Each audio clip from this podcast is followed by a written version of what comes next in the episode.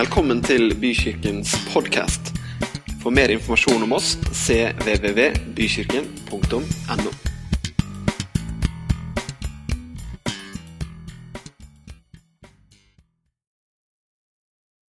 Oi, oi, oi, oi, så hyggelig! Så hyggelig. Ja, jeg visste at det var en grunn til at jeg ble valgt ut til å snakke om risiko. Eh, Det, det kom ikke som noe sjokk eh, for en mann som eh, holdt en sag forrige gang eh, på ungdomsskole, og nå bygger jeg hus. Så det er jo ikke bare bare det, kan du si. Egentlig så burde den talen her kanskje hete eh, 'Naiv, dum og snart gjeldsslave'. Men eh, det er heldigvis ikke meg det skal handle om i dag. Eh, veldig veldig hyggelig å få snakke til dere. Oi, vi må stoppe litt. Ja.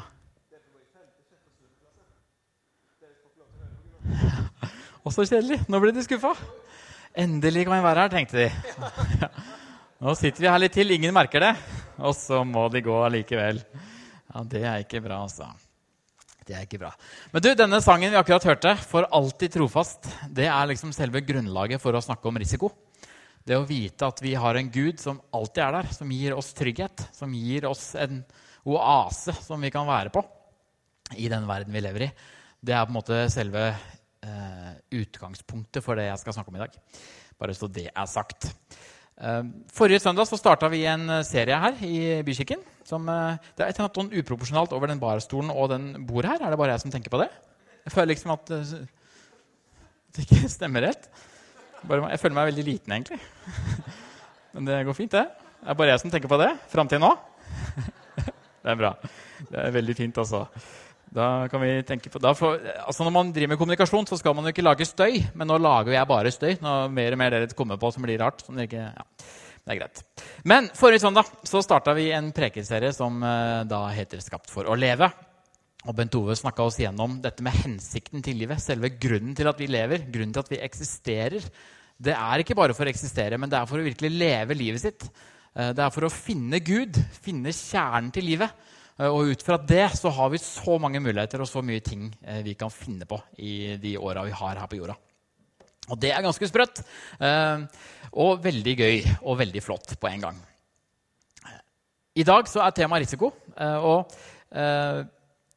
folk har et veldig enten-eller-forhold til risiko. Vi har jo sett video på noen som virkelig liker å sette livet sitt på prøve. Eh, Som ikke bryr seg noen ting om eh, det som er rundt seg. De tar sjanser. De går på, altså Det er helt vilt å se på. De hopper, eh, hopper jo opp på sånne veldig tynne ting. Jeg tør ikke å tenke på hva jeg, som hadde skjedd hvis jeg hadde gjort det. Det hadde gått skikkelig gærent. Men, men Men det er noen som tiltrekkes mot fare, mot risiko. Noen som elsker det, noen som må ha det for å leve livet sitt ordentlig. Noen som må ha adrenalin da, i kroppen. Eh, Noen som, som må tenke hver dag de våkner opp at kanskje jeg dør i dag. Det hadde vært eh, spennende å teste ut om vi klarer å nesten dø. Noen er der. Og så er det noen som er i helt motsatt skala. At de eh, også tenker oi, kanskje jeg dør i dag, fordi jeg skal jo kjøre bil. Det kan jo gå gærent. Det er noen som er der også der alt blir en risiko fordi man ikke har den tryggheten i livet. Da, og tenker at her kan det jo faktisk gå gærent. For det kan jo gå gærent hele tida. Det kan jo hende at taket her ramler ned. Nå. Det vet vi jo ikke. Det har jo skjedd før. Eh, og man kan liksom, hvis man har den innstillingen til livet, så blir det fort tøft å leve. Da Da blir det mange ting å grue seg til.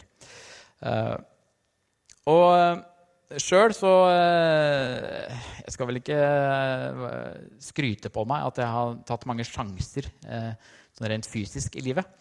Jeg har, da jeg var liten gutt, så hadde jeg en øyesykdom som het nystagmus. Som gjorde at jeg så veldig sånn fram og tilbake. Jeg klarte ikke å ha et rolig blikk. da. Eh, så jeg spurte pappaen min da jeg var fire år gammel om eh, altså, hvorfor er hodet mitt så løst. For det så liksom sånn ut, fordi ting gikk fram og tilbake hele tiden. Så det var en ganske trist historie, egentlig. Eh, Men, men det førte til at jeg, jeg var ikke så veldig utagerende som barn. Det er lov å si. Mamma og pappa er forresten her i dag. Det er lov å si det. At jeg, jeg var ikke den som tok en russer, for å si det sånn.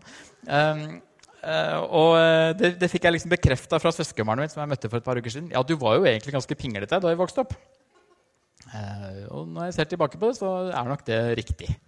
Jeg var ganske pinglete. Men alle mennesker har hatt en, et behov for risiko i livet sitt for å komme videre. Vi har alle opplevd det som barn. De første skritta våre Det var fylt med risiko. Noen syns det bare er gøy med risiko og takler det uten noe problem. Andre er redde og faller og faller og faller. De fleste gjør det da, når de skal begynne å gå. Eh, eh, Tobias, min sønn, på, eh, da han var to år gammel, så vi, gikk vi liksom nedover en bakke. Og så kunne man gå rett fram i stedet for nedover bakken. For det var en sånn liten steinrøys Eller ikke steinrøys, men hva heter det? Mur, heter det. Og jeg skal bygge hus. jeg bare satte opp en steinrøys, jeg, og så satser vi på at det går greit å sette noe hus opp av det. Men han var da på en mur, og så ble den veldig høy etter hvert. Så jeg var ganske langt nede, og han var ganske høyt oppe der. Og han hopper jo ned til meg uten noen form for risiko. Ikke noe frykt. Men for meg så var det ganske mye risiko, for jeg vet at hvis ikke jeg tar imot denne gutten, her, så kan det gå gærent. Så det er også et litt sånn forskjellig perspektiv på dette med risiko. Noen har mer informasjon enn andre til å bedømme hvor stor risikoen er når man tar et valg. Men vi har vært der alle sammen. Vi må ta sjanser i livet for å komme videre. Eh, en annen fellesnevner som jeg tror eh, de aller fleste i dette rommet her har opplevd, det er forelskelsen. Den store forelskelsen her. Å, ja, så, å, det er så hyggelig når folk snur seg til sidemannen sin med en gang. Å, det, å, det husker jeg så godt da vi var forelska. Det var hyggelig å se. Det var flere som gjorde det. Det er veldig hyggelig. Men husker dere det? hvor stor sjanse tok dere egentlig? Når dere sa til vedkommende at du, jeg er faktisk uh, forelska i deg. Eller Altså, det, det, det, har utspilt seg på så mange forskjellige måter. Da. Og den følelsen i hjertet Når liksom den derre Ok, nå, now is the time. Dette er mitt øyeblikk. Nå skal jeg si til kona mi eller min forhåpentligvis fremtidige kone at jeg elsker deg. Eller jeg vil leve resten av livet sammen med deg. For meg var det ganske lett, fordi kona mi vi, eh, vi hadde, Hun var jo ikke kone da, selvfølgelig. Da kjente vi hverandre nesten ikke. Men jeg hadde gått på en folkeskole som hun gikk på da vi ble kjent. Eh, og så av en teit grunn så fikk jeg henne til å vise det gamle rommet som jeg bodde på. Jeg ville veldig gjerne se det, og hun var jo den som måtte vise meg det. selvfølgelig. Eh, så hun ble med opp sammen med ei venninne. Og så, mens vi var oppe på det rommet, så sa hun plutselig 'Gunnar, du er skikkelig kjekk', altså. Uh, og det har jeg aldri hørt før. så, så, det var jo uh, veldig hyggelig. Så jeg tenker jo umiddelbart at dette her er jo en slags uh, intern spøk som de holder på med. De drar opp fremmede gutter på et rom og så sier de, 'Du er skikkelig kjekk', altså, Gunnar. så jeg kunne jo bare si takk. Det var liksom det eneste jeg klarte å få ut. men senere den kvelden så, så fant jeg nummeret til Kristin på Da måtte man jo tekste. Det var på SMS-tiden. Så måtte jeg liksom tekste Kristin Skoglund. Og så fikk jeg nummeret hennes, og så sendte jeg en melding til henne. Og da pumpa hjertet ganske bra. Da skrev jeg at Kristin, jeg må innrømme at du satte meg ut litt når du sa at jeg var kjekk i dag, men nå håper jeg at jeg har satt deg ut litt også med å finne nummeret ditt. Uh, og derfra så var det bare én vei. Det gikk så fint. Uh, uh, men, men, jeg tror alle kjenner seg inn i den risikoen. Det å liksom åpne opp livet sitt og være så sårbar du bare kan som, som menneske. Og si, vet du hva, jeg må ha deg i livet mitt. Jeg trenger deg i livet mitt. Jeg elsker deg. Jeg vil være sammen med deg. Eh, den har nesten alle i, eh, i, rommet her kjent på. Håper ikke de bak miksepulten har kjent på ennå. Dere kan vente litt til. Det er lurt å vente litt. Ja. Eh, men, men vi har noen fellesnevnere når det gjelder risiko. Og, og, vi har en forståelse tror jeg, av at det trengs i livet. Uavhengig om du er den som oppsøker det, eller om du er den som ønsker å unngå det, så trenger vi det i livet vårt for å komme videre. Er vi enige om det? Har vi liksom lagt en slags plattform for videre samtale? Flott. Da tar jeg litt vann.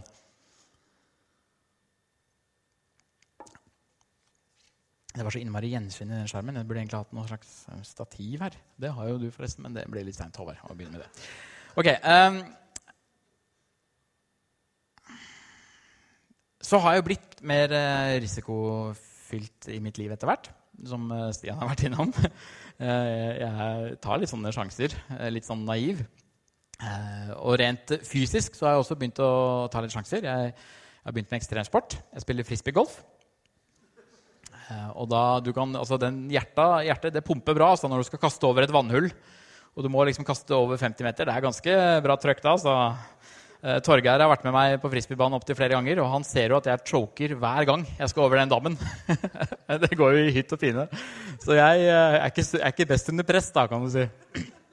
Men jeg tar noen sjanser. Jeg tør å, uh, tør å gamble litt innimellom. og det er viktig, fordi eh, vi, om, om, vi liker det eller ikke, så er vi helt nødt til å utfordre den verden vi lever i, for å komme videre. Det er da det skjer noe i livet. Det, hvis du tenker på liksom de områdene i livet ditt der det har skjedd en endring, så, så, har det vært involvert et valg med en risiko bak. Du har tatt en sjanse for å komme videre. Og eh, vi får følelsen av å gjøre noe nytt, noe fremmed, når vi tar de valgene. Noe som ikke er trygt. Det er, det er da vi virkelig lever. Og, og det innebærer en risiko når man skal gå gjennom disse valgene.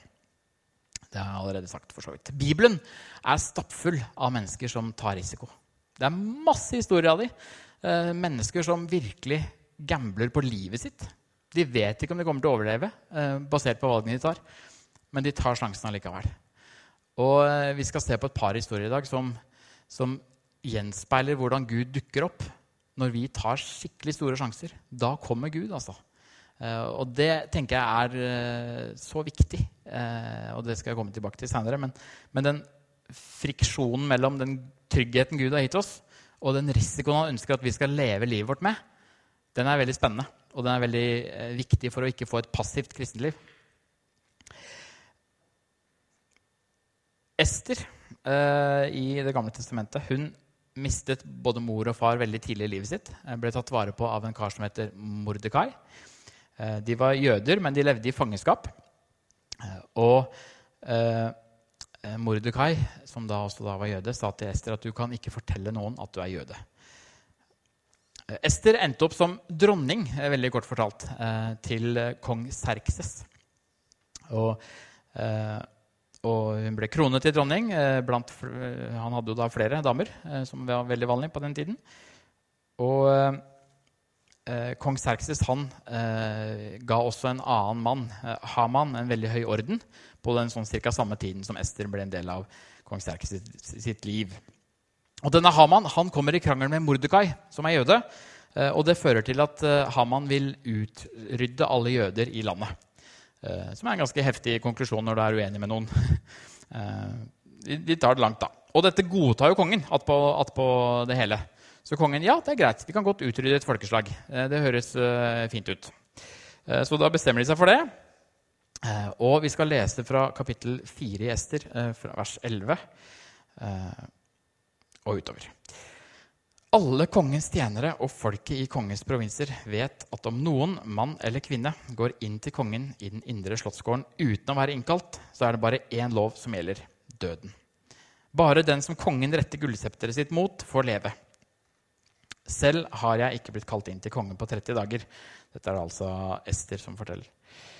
De fortalte Mordekai hva Ester hadde sagt. Mordekai ba dem si til Ester.: Tro bare ikke at du som den eneste av jødene skal berge livet fordi du er i kongens slott.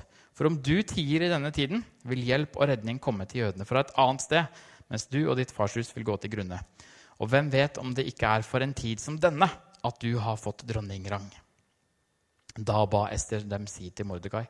Gå og kall sammen alle jøder som befinner seg i Susa, og hold faste for min skyld. Dere skal ikke spise eller drikke på tre dager, verken om natten eller om dagen. Jeg og tjenestejentene mine vil også faste på samme måte. Så skal jeg gå inn til kongen, selv om det ikke er etter loven. Skal jeg gå til grunne, så går jeg til grunne. Så Ester står overfor et, en enorm risiko. Et kjempestort valg. Hun vet i prinsippet at hun er død hvis hun går inn til kongen uten at hun er blitt, uh, blitt kalt inn til ham. Men hun ser også hva som er på spill. Et helt folk som kan bli utsletta. Eh, og det går tydelig fram fra teksten her at uh, Ester vet virkelig ikke hva som skjer når hun nå har bestemt seg for å gå til kongen. Hun aner ikke. Jeg tror kanskje hun faktisk tror at hun kan, kan dø. At det er en stor sjanse for at nå forsvinner jeg. Men jeg får ta sjansen allikevel, fordi det er så mange andre mennesker som er avhengig av meg i denne tiden. Eh, og her snakker vi liksom ikke forhold, eh, Det er ikke dronning Sonja og kong Harald eh, vi snakker om her. De snakker nok med hverandre sånn, uten at det slenges et septer foran henne for at hun skal få snakke sammen. Det er ikke sånn kjempe-close forhold. Det er en gal, gal konge vi snakker om, som har bestemt seg for å utrydde et folk i sitt eget land. Det er en ganske heavy bakteppe i forhold til det vi tenker oss. da. Har du noen gang tenkt på det? Det å risikere livet sitt for noe? Er det noe du er villig til å dø for? Gå inn i en setting der du vet at her kan jeg faktisk dø. Det er ikke så ofte vi er i de situasjonene i livet vårt. Jeg har ikke vært der ennå. Men det å da ta et valg der man bevisst går inn i en sånn situasjon for å prøve å redde noen andre, det er heavy, altså. Det er så heavy. Ester tok sjansen. Hun Var villig til å ofre seg sjøl. Eh, og så redda hun hele det jødiske folket med det valget. Hun visste ikke at det ville gå, gå bra. Hun visste ikke at Gud ville redde henne og folket. Det eneste hun visste, var at hun måtte prøve. Hun måtte, ta, hun måtte, gjøre en aktivitet. Hun måtte engasjere seg. Hun måtte gjøre noe for at denne situasjonen skulle endre seg. Det hjalp ikke å be. Det hjalp ikke å sitte stille og se på. Hun måtte i aksjon. Hun måtte bruke livet sitt, risikere hele livet sitt. Vi skal se på en historie til, um, som er fra kong Nebukadnesar sin tid. Shadrach, Meshach og Abednego. Hørt om de gutta der? Det er de tre kuleste navnene i Bibelen. Jeg synes jeg i hvert fall. De henger så godt sammen nå. Shadrach, Meshach, Abednego. Åh, det er veldig kult. Det er ingen som blir kalt opp etter de lenger. Eller Jeg vet ikke om det har vært vanlig noen gang, men jeg har aldri møtt noen. Men for en, for en gjeng. Eh, altså, det er jo nesten rart at ingen kaller det Kanskje er det en idé, Kristin, for det neste barnet vi skal ha? det kan være spennende. Vi skal få jente, da, så det må bli en sånn sjadrakine eller noe sånt. Men det, det ja. Det var ikke planlagt, den spøken der. Det skjønte dere kanskje. Um, men disse gutta de uh, kommer i en skvis. De har blitt uh, satt til å regjere over en del av landet som heter Babel. Uh, og så gjør de det veldig bra. Og så finner kong Nebukadnesar på at de skal bygge en svær gullstatue som alle skal forholde seg til og alle skal bøye seg for. men disse gutta de tror på Gud, og de nekter å bøye seg. Det er de helt klare på, og dette blir jo da lagt merke til, og kongen får vite om det. Og så kaller kong Nebukadnesar disse gutta til seg og sier at dere må enten bøye dere for gullstatuen, eller så må dere inn i en ovn som er så varm at dere kommer til å dø veldig, veldig fort. Uh, og da sier disse gutta noe helt fantastisk. Uh, I Daniel 3, vers 16. Shadrach, Meshach og Abednego svarte kongen Nebukadnesar. Vi behøver ikke å svare deg på dette. Om den Gud som vi dyrker, kan berge oss ut fra ovnen med flammende ild, og fra din hånd, konge, så vil han berge oss. Og om, om han ikke gjør det, skal du vite, konge, at vi likevel ikke vil dyrke din Gud og ikke tilbe gullstatuen du har reist. Disse gutta visste heller ikke hva som kom til å skje. Det er så lett når man leser Bibelen, at, eh, at man liksom bare leser historien. Men de, disse gutta her var også ganske De var i et tett hjørne, altså. Det var ikke noe dans på roser de hadde foran seg. De vet ikke. De har ikke fått noe beskjed fra Gud om at uh, han kommer til å redde dem. De veit ikke det. De har ikke blitt helter ennå, de. Og de sier til og med at hvis du ikke Gud Det er noe av det beste jeg vet. da. Selv om du ikke skulle redde oss, selv om vår Gud ikke skulle redde oss, så stoler jeg på han. Så er han min Gud. Så er det han jeg lever for. Jeg bøyer meg ikke for noe annet, for det er min Gud. Utrolig fint utgangspunkt, da. Eh, og så dukker Gud opp, redder gutta. Eh, og ikke bare overlever de, men, men, det blir en kjempegreie for kongen Nebukadnesar, som da ser at disse tre gutta får besøk av en gudesønn, som det står i, i, i Bibelen. At, at, det er en engel som hjelper dem i ovnen. De kommer ut hele, ubrente. Kanskje de lukta litt godt, til og med. Har jeg ikke tenkt på før nå. Lurer på hvordan de lukter etter å ha vært i en ovn i og Eh, veldig merkelig situasjon. Men de kommer ut igjen, og kong Nebukadnesar bøyer seg også for, denne, for, for, for, vår Gud. For Gud får muligheten til å vise seg fram når vi tar sjanser. Det er da han kan eh, være til stede i livet. Et vanlig liv som vi alle lever her i Vesten. Vi, jo, vi har det ganske trygt og godt alle sammen. Men når vi tar sjanser, når, eh, når vi drar en Ester eller en, en Shadrach Meshok Abenego så kan faktisk Gud gripe inn og gjøre noe i situasjonen vi lever i. Det er kult. Og Det er ikke sikkert at du kommer til å få valget om å gå i en ovn eller å tilby en avgud i morgen. Uh, det er ikke sikkert uh, du må inn til kong Harald og sørge for at ingen utsletter et folk i Norge. men det er så gode historier for å se karakteren til Gud og karakteren til de som følger Gud ordentlig. Det er liksom alt eller ingenting. Det er veldig bra. Og det er så mange andre historier vi kunne trekke fram fra Bibelen som, som sier akkurat det samme. Vi tar en sjanse, Gud. Vi stoler på deg. Jeg lever med risiko i livet mitt. Og når jeg gjør det, så dukker han opp. Så blir livet til mer enn bare mitt eget liv, men da blir det noe som andre mennesker kan, kan se Gud gjennom. Vi har hørt veldig mange ganger at Gud og Jesus er trygghet. Eh, vi synger masse sanger om det. Eh, han er trofast, han er vår hyrde. Vi mangler ingenting. Vi kan sette oss i Guds sitt fang. Altså, det er så masse gode og fine og ærlige og ekte forklaringer på vårt forhold til Gud. Men jeg er så sikker på at Gud ikke ønsker at vi skal stoppe der. Han vil ikke at vi skal stoppe i fanget hans. Jeg har ei datter på seks år som akkurat har begynt på skole. Eh, og eh, som pappa så vil ikke jeg at hun skal sitte på fanget mitt hele tida lenger. Det var liksom da hun var eh, fire-fem måneder. Da. da kunne hun gjøre det. Men nå vil jeg at hun skal ut og utforske verden. Nå, ha, nå håper jeg da at hun har fått det grunnlaget, en viss form for trygghet, som gjør at hun tør å ta sjanser. Tør å snakke med mennesker hun ikke kjenner, tør å bli venner med nye folk. Tør å åpne seg opp. Det er det jeg drømmer om at hun skal gjøre. At hun skal dele livet sitt, og hun skal få en del av andres liv. Og akkurat det er det Gud ønsker for oss også. Han ønsker først å gi oss den tryggheten, den vissheten om at forholdet til Gud, det er det han som har fiksa. Det slipper vi å styre med. Vi trenger bare å ta imot det Gud har gjort for oss. Ta imot det Jesus gjorde på korset da han døde for alt det vi har styra med.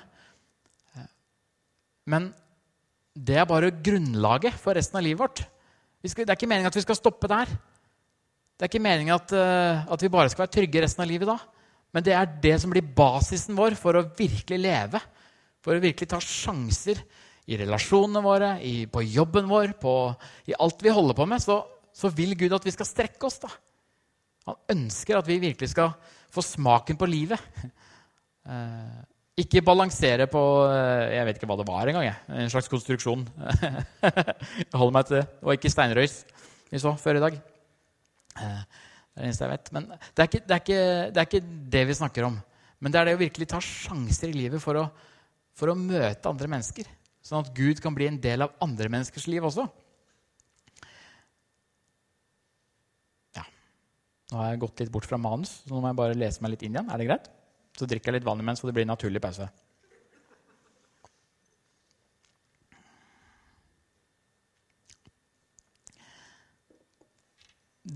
I disse historiene vi har eh, vært borti nå, eh, og i mange andre historier i Bibelen, så er det vi som må ta initiativet. Det er vi som må ta et valg først. Det er veldig sjelden Gud dukker opp først, og så skal vi komme og gjøre noe etterpå. For Gud er veldig opptatt av at vi skal ha en fri vilje. At det er vi som velger om vi skal følge han ordentlig eller ikke. Det er vi som bestemmer det. Det er ikke han som dytter oss inn i ting. Men når vi har tatt et valg, det er da han ønsker å dukke opp. Når vi tar en sjanse i livet vårt, når vi tar risiko i livet for han, på vegne av han, på vegne av de menneskene rundt oss, da dukker han opp, altså.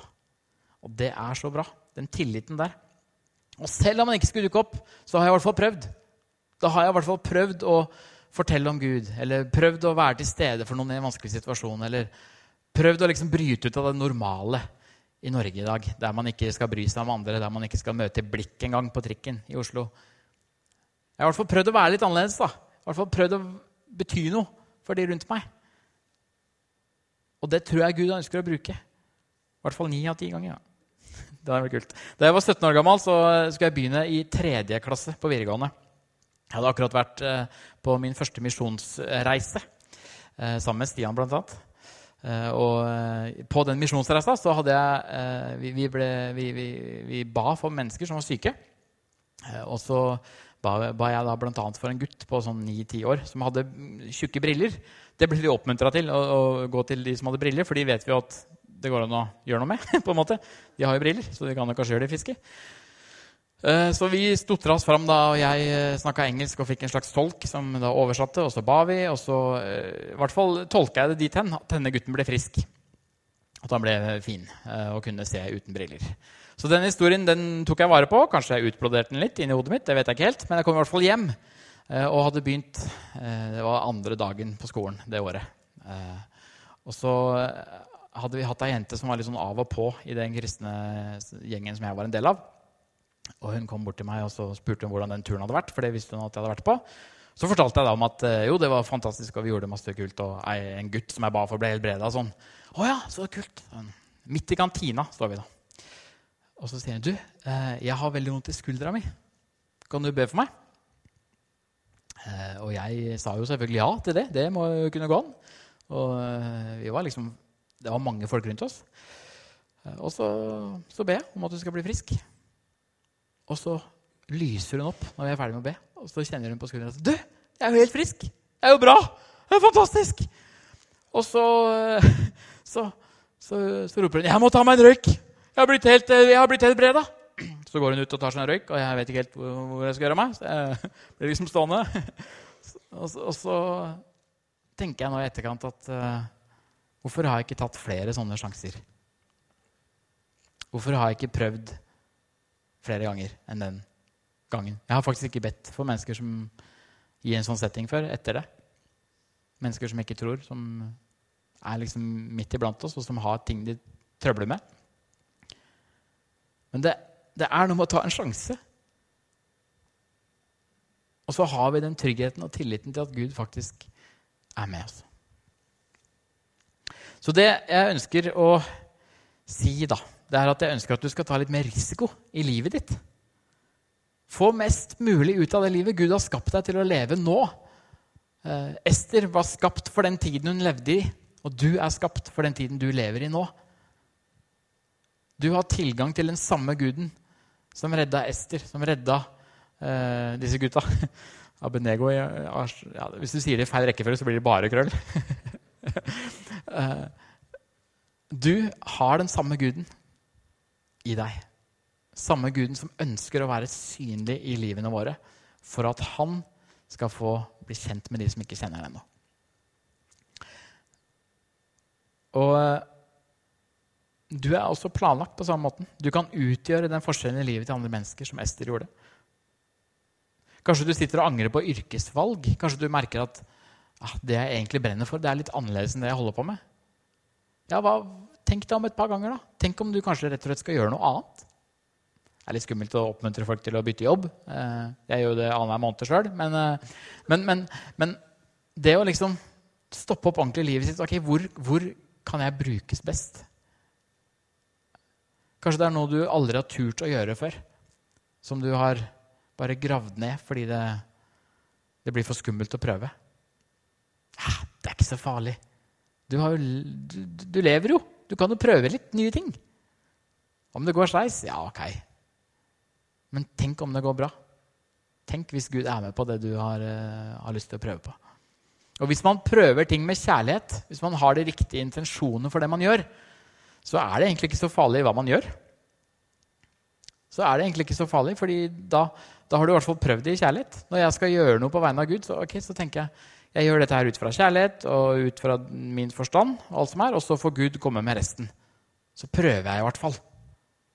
Hvis ikke så blir det bare sånn uh, ullen kristendom der vi har tatt imot Gud og er fornøyd med det, og så, så, har vi liksom ikke noe å strekke ut til andre med. da. Så har jeg lyst til at du skal ta litt risiko i relasjonene dine. Tørre å bry deg ordentlig. Tørr å Lev annerledes enn det som er vanlig i Norge i dag. Tør å åpne opp livet ditt, tør å ta kontakt med mennesker du ikke kjenner. Fordi det er det Gud ønsker å bruke. Gud ønsker å bruke relasjonene våre. Det vi har av tid her på jorda.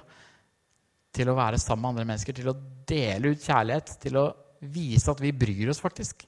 Vi er litt annerledes vi, fordi vi har tatt imot Jesus. De disiplene som eh, først var noen bleke skygger når Jesus forsvant og døde, de ble ganske annerledes når de fikk ta del i Den hellige ånd, når de fikk Gud på innsida og Jesus på innsida. Da ble de annerledes, og det skal vi søren meg være, vi òg. Vi skal være annerledes, vi. Vi trenger ikke være så rare, men vi skal være annerledes. Vi skal bry oss. Tør å bry deg. Tør å vise kjærlighet. Tør å ta initiativ. Tør å smile til noen på bussen. Og så ønsker jeg at du skal ta en risiko til, og det er å snakke om Gud. Tør å involvere mennesker i den samtalen Gud ønsker å ha med de. Åpne opp, gi Gud muligheten til å, til å komme inn i andres liv. Det er ganske praktisk, men, men jeg tror Gud har kalt oss til det. Å være til stede i andres liv og dytte de litt i den retningen som de ikke har vært i ennå. Stille åpne spørsmål. Hva tror du egentlig på? Hva sliter du med i livet ditt? Det er noen som liker det kjempegodt, og noen som kanskje syns det er litt eh, nært, men de fleste blir glad for at noen ærlig, uten baktanker, uten en agenda, lurer på hvordan livet deres er. Så risiko, det er spennende. Når man har den tryggheten i bånn på at Gud er der for meg alltid. Jesus er med meg. Da kan jeg tørre å sitte her foran dere. Da kan vi tørre å bruke livene våre for å utgjøre en forskjell i den verden vi lever i. Kan dere komme opp, eh, dere som synger og spiller? Og kanskje du i dag eh, kjenner på at det er en sjanse til du aldri har tatt, og det er egentlig at du, at du aldri har sluppet Gud inn i livet ditt. Kanskje du ikke har kommet dit helt ennå. At det har føltes veldig fjernt og uklart og fremmed og skummelt. Men kanskje du også bør ta den risikoen i dag. Da sier, 'Vet du hva, Jesus? Jeg har lyst til å teste ut deg. Jeg vil prøve deg. Jeg ønsker å tilhøre deg.' Og Hvis du tar det valget, så er det en risiko der og da, men så kommer du til å føle på en sånn trygghet og glede og fred over å ha funnet skaperen din, som ønsker å være sammen med deg hver eneste dag. Som ønsker at livet ditt skal ha mening, ha en hensikt som ønsker at du skal bruke livet ditt til noe viktig. Ønsker at du skal ta sjanser for at livet ditt skal bli rikt, og for at de menneskene rundt deg skal få noe nytt å tenke på. Takk, Jesus, for at vi får lov til å tilhøre deg. At du har skapt oss med en grunn til å leve. At vi leter etter det, at vi har liv i oss som vi, som vi ønsker å finne ordentlig. Og takk for at jeg har fått finne det hos deg. Takk for at du er livet mitt. Takk for at den tryggheten kan være utgangspunktet for å virkelig ta noen sjanser i ditt navn. Prøve å leve et fullt liv. Det er så fort gjort å bare dulle seg borti hverdagen. Men Gud, jeg ønsker å bruke de mulighetene jeg har til å leve litt annerledes. Til å få litt nye minner som jeg kan huske. Ikke bare da jeg var 17 år og ba for ei jente som ble helbreda. Jeg har lyst på flere sjanser lyst på flere minner om hvordan du griper inn i andres liv, Jesus. Amen. Og Hvis det er sånn at du i dag føler at du har lyst til å ta et valg knytta til dette, her, eller ønsker å snakke med oss om det,